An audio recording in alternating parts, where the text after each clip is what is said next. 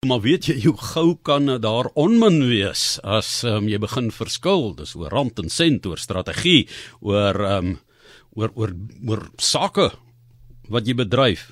En ons praat oor die soet en suur van familieondernemings en Andrei Diedericks onlangs die oog gevang met sy boek Nalatenskap waar hy werklike uh, familie ondernemings van nader bestudeer het. Dit is so 'n tipe van 'n gevalle studie en gevalle studies wat hy geïnkorporeer het en dit in 'n verteltrand aan mense oordra. En dit gaan oor die rol van familieondernemings in Suid-Afrika, die unieke uitdagings en die nalatenskap dan wat die ondernemings los. En uh, Andrei is bestuurder van Fabasa, dis die Family Business Association of South Africa en hy het al meer as 400 familieondernemings in Suid-Afrika gekonsulteer. So Andrei, jy bestuur Fabasa, die uh, familieonderneming assosiasie van Suid-Afrika en ons praat dan vandag oor familieondernemings. So vertel vir ons, welkom hier vir ons eerstens, uh, wat is 'n familieonderneming? Hoe word dit nou gedefinieer? Goed, dankie Johan, uh, baie dankie vir die tyd. Dit is lekker om hier by julle te wees. Ja, daar's 'n internasionale definisie vir familieondernemings. Daar's basies 3 kriteria: die familie met die meerderheid van die aandelehouding besit, die familie met aktief betrokke wees by die sakeonderneming en dan baie belangrik, die familie met die intensie om die besigheid te bewaar vir toekomstige nageslagte. En dis waar die term nalatenskap vandaan kom. Ja, daar's um, baie families wat sê net maar ehm um, ek dink nou sommer aan die van 'n Merwes wat jy ook van Boplaas, dit is nou die Ceres mense, maar ag, die De Tooy familie is daar. Ek meen hier's in die Melk, die Loupshire familie wat ek ken. Daar is 'n hele klomp, die Lou familie. Ek begin praat van plase en wynplase en die Malans, né? Ehm um, so daar's 'n klomp mense wat jy nou so um, kan oproep, maar as dit nou net ek en my vrou is, dan is dit nou outomaties 'n familieonderneming, maar hulle werk lankal nie net meer alleen nie. Daar's personeel van 400 en 800 en 1200 en so meer. So ehm um, vertel vir ons 'n bietjie wat is die impak van familieondernemings op ons ekonomie dan en in die wêreld en dan spesifiek in Suid-Afrika waarna ons belangstel. Ja, Johan, hierdie ding jy net 'n bietjie terug wat ek het so meer as 2 dekades terug het. Ou Mutual daai jare toe ek daar was my gestuur na Puerto Rico toe in die Karibiese eiland na 'n uh, sessie oor sakeontwikkeling in die wêreld en hier het hulle heeltyd gekarring oor familieondernemings daai jare. Ek praat van so 25 jaar gelede. Dat ek nader aan vra maar hoekom karring julle so oor familieondernemings? Ek's nie vergeet hoe die Amerikaanse professors so omdraai vir my gevra het, maar besef jy dan nie dat die meeste besighede in die wêreld is familieondernemings nie. Toe begin hy die goed so aframmel. 78% van die welvaart in die FSA behoort aan familieondernemings. 75% van geregistreerde besighede in die Verenigde Koninkryk is familieondernemings. So kom ek nou terug Suid-Afrika toe en ek wil weet wat hier aangaan.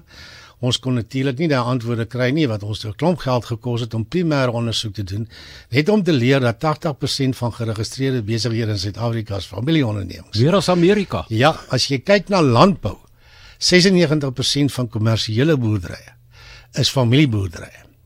Nou interessant vir jou is daar's 570 miljoen familieboerderye in die ag van kommersiële boere in die wêreld waarvan 500 miljoen familieboerderye is. Dis hoekom die Verenigde Nasies die volgende dekade verklaar die dekade van familieondernemings want ons hulle wat die wêreld voed. Jo, gee dit weer daai landbousyfer, hoeveel? Daar's 570 miljoen kommersiële boere in die wêreld waarvan 500 miljoen familieboerderye is. Ja. In Suid-Afrika 96% van kommersiële boere is familieboerderye. Dit is absoluut fenomenaal. En ehm um, met ander woorde, daar moet bitter hard gewerk word. So en daar moet reusagtige uitdagings met tye wees vir familieondernemings. Hoe hoe moet dit hanteer word en aangespreek word daai uitdagings? Ja, wat ons doen by Fabasa die familiebesigheidsassosiasie is ons hou maar werkswinkels en die goed om die ouens te leer wat die beste praktyke is. Maar ek het nou 'n baie slimmer manier ontdek deur hierdie boek Nalatenskap deur dit in 'n storieboekvorm te doen. Werklike karakters gebruik om vir hulle te begin illustreer wat mense reg doen en natuurlik is daar groot drama in die boek waar die keuses verkeerd gemaak word. Soos ek sê, sommige keuses sal vir altyd by jou spook. Maar daar's drie groot goed wat die uitdagings is van familieondernemings wêreldwyd. Die eerste ding gaan oor die entrepreneurskap om daai vlam te laat aangaan van generasie tot generasie. Kry baie keer in die eerste generasie entrepreneur wat 'n uh, ding begin, as hy vlam nie bly aangeblaas bly in die volgende generasies en dit tel jy probleme op. Die tweede ding is 'n groot gogga van familieondernemings en dis opvolgbeplanning. Net 30% in die wêreld gaan suksesvol van die eerste na die tweede generasie. En as 'n baie groot derde generasie probleem wêreldwyd. Minder as 4% bereik die vierde generasie. So daar's 'n derde generasie probleem. En die rede vir hierdie ding is dat opvolgbeplanning word beskou as 'n proses wat maar eendag gedoen kan word wat verkeerd is. Dis deel van jou langtermynstrategie want die doel van 'n familieonderneming is dat hierdie besigheid vir die generasies vorentoe moet kan voortgaan. Jy verstaan. So jy kan nie dit sien as 'n aparte proses nie, dis deel van jou langtermynbeplanning. Jy moet jou opvolgers identifiseer en voorberei en jy moet alle lewensgebeure aanspreek wat nie gedoen word nie. Wat gebeur as vandag iets met die pa gebeur? Nou jy 'n opvolger aangedui, wat gebeur as iets met die opvolger gebeur? Al daai vrae wat beantwoord en dit gebeur nê natuurlik ja. Ander is my so interessant as 'n mens dink um, oor die konvensionele manier van familieondernemings is dit baie 'n pa en seun situasie nou die plaas gaan na die seun toe dan is daar dalk nie 'n seun in die familie nie. Het vroue toenemend ook sommer net van die kant klein af 'n vraag nou ook toenemend 'n rol begin inneem by die besluitneming van so 'n familieonderneming Ja, Johan baie beslis daar is 'n heel party selfs familieboerderye vandag wat deur die dogters en deur die vrouens bestuur word waar die man of die seun weggeval het.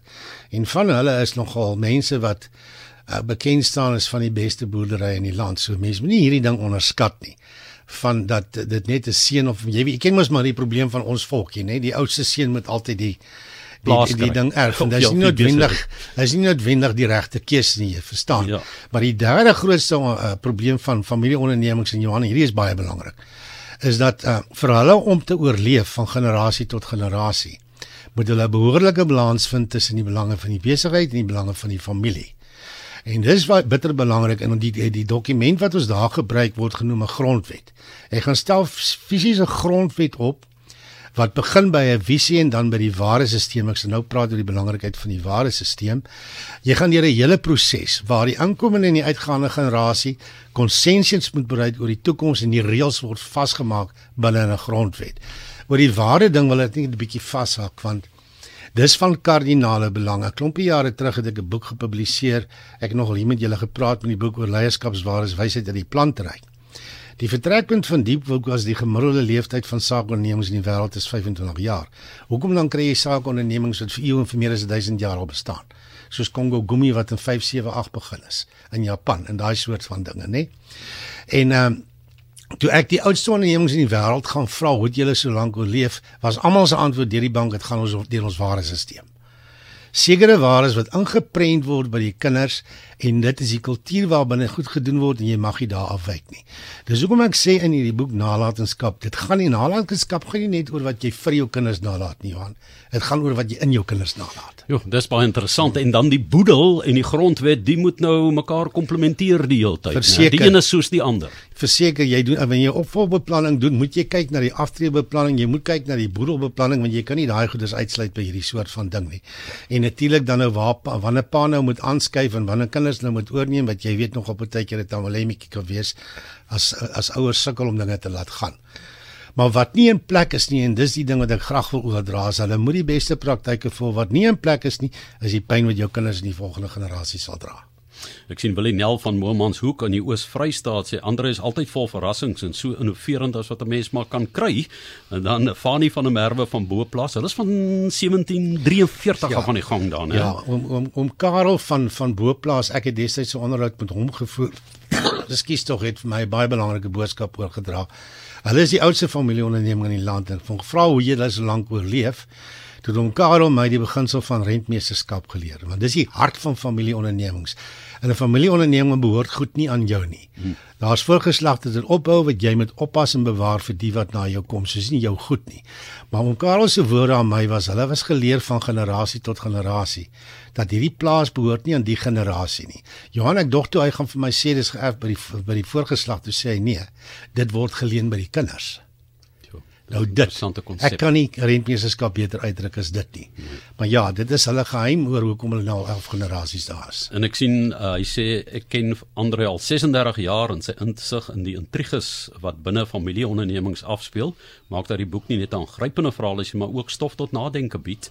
Ehm um, en uh, dit kom daar van boplase wêreld af waar boere nie of sulke interessante landelike gedigte geskryf het. Selfs ja. al het in die stad gebly. Maar Andre, uh, kom ons stap 'n bietjie aan na uh, die intriges. Kyk, dis nou die skindernuus. Dis eintlik hoekom ek jou genooi het. Ja. Ek wil nou hoor wat gaan aan daar nie. Ja. Nee, dit is seker maar waar die konflik nou ter sprake kom. Ehm uh, persoonlikheidstipes die aangetroude, so kom ry jy daai motor en ek die. Jy weet daai tipe hoekom kry hulle meer as ek. Ja. Is dit 'n groot probleem? Dit is 'n groot probleem. Ek kan dieper as dit ook gaan. Een van die stories in die boek gaan vir jou vertel die dis dis 'n storie maar die naam is verander. Die persoon se naam is Willem van der Merwe daar in Ficksburg. Nou so het sy seun Wilhelmus met hierdie dogter Allison McKenzie van Skotland op die plaas aangekom in daai jare. En so verfies hy hom vir sy sê vir sy seun maar ons trou nie met Engelse mense nie nou sy ons rooms-katoliek ook. Ek sien jy glimlag, jy weet dis tipies wat die ou boere sal doen nê. En hy weier toe laat hom die verhouding aangaan. Maar toe vir toe verfies die seun hom en hy en Ellison is daar weg. Nou sit 25 jaar amper later nê, Johan. Hy en sy kind het nog nooit weer kontak gehad nie. Nou sterf hierdie ou aan kanker. Nou begin hierdie verlange en hierdie ding met sy seun meer aan hom vreet as die kanker binne in hom. En so kontak hy nou toevallig vir Fanny van der Merwe van Boplaas wat my toe nou kontak en vra maar hoe kan ons hierdie seun opspoor en hoe ons die seun in Skotland moet opspoor en die hele versoening wat daar saam. Dis die tipiese goed wat kan gebeur jo. in 'n familieonderneming. Dan natuurlik ook goed soos wetywering tussen kinders. Uh kompetisie is goed, maar as daai ding buite orde raak, raak dit raak dit moeilikheid. Dinge soos verkeerde goed vir jou kinders sê oor die jare. Jy kla die hele dag oor wat in die besigheid aangaan en jy eendag wil hê hulle moet oorneem, hulle is so ver ver weg, sal hulle nooit weer sien nie uh, en ding en en en hierdie wetywering jy, jy kom ek vat jou net gou na Genesis 1 toe. Wat was die heel eerste besigheid in die wêreld? Kan jy onthou? Ek in jou sonnaarskool toets. Ehm uh, in Genesis, nee, weet ek weet wel Adam van die Eva, appel. Adam en Eva het twee seuns gehad, Kain en Abel. Wat het daar gebeur? Ja, die een het ons die ander een doodgeslaan exactly. oor vee. Want die een se offer was aanvaar en die ander een se ja. offer was nie aanvaar nie. Dis 'n ding in familieonderneming wat baie belangrik is. Hy het gevoel dis onregverdig. Nou enigiets wat onregverdig in 'n familieonderneming is soos Langehoven sê, iets wat nie regverdig besleg is nie, is nooit finaal besleg. So daai is baie belangrik in familieondernemings, laat goeders moet regverdig geskied. Hy ding, ek weet soos 'n emmer melk, jy kan hom skit soos jy wil. Daai daai room kom maar weer na boontoe. Hy gat nie weg nie. Ja. Daai soort van goed. En dan natuurlik ander probleem waar ons baie keer sit is dat broers wat nie wil saam boer nie. Nou word alles onderverdeel. Nou raak dit onekonomies om met hierdie goeders aan te gaan. Baie van die mega boere in die land is my kliënte en 'n goue reël is niks word onderverdeel nie. As jy nie daarvan hou nie, gaan soek vir jou 'n job. Jy verstaan wat ek vir jou sê. En dan die ander drama waarmee ons sit is dat hulle partykeer te veel kinders by hierdie familieonderneming inbring dan kan hy nie almal dra nie. As jou besigheid nie bly groei nie, kan jy nie bly kinders bylas nie, want op die ou en vrek hulle almal van die honger. Onder ek wil nog ure met jou gesels, maar um, dit is so interessant en ek weet dat hierdie familieondernemings is deel van die gom wat die ekonomie aan die gang hou. Dis ongelooflike belangrike goed waaroor jy praat, maar as mense um, aansluit by Fabasa verstaan ek jou eh, lidmaatskap is gratis. Is so hoe maak familieondernemings om by julle aan te sluit en mense wat belangstel in die uh, funksionering daarvan? Dis baie eenvoudig. Jy sluit aanlyn aan by Fabasa www.fabasa.co.za. Jy kan daarin of jy kan vir my e-pos stuur na info@fabasa.co.za oor enige inligting wil jy oor die assosiasie wat wil hê as jy van die boek wil hê wat jy ook al wil weet stuur vir my e-pos en ek sal jou antwoord. Dis eenvoudig. Wat is die oudste familieonderneming in Suid-Afrika kan jy so vinnig dink? Dit is Boplaas 1743 ja. ja hulle is die oudste in Suid-Afrika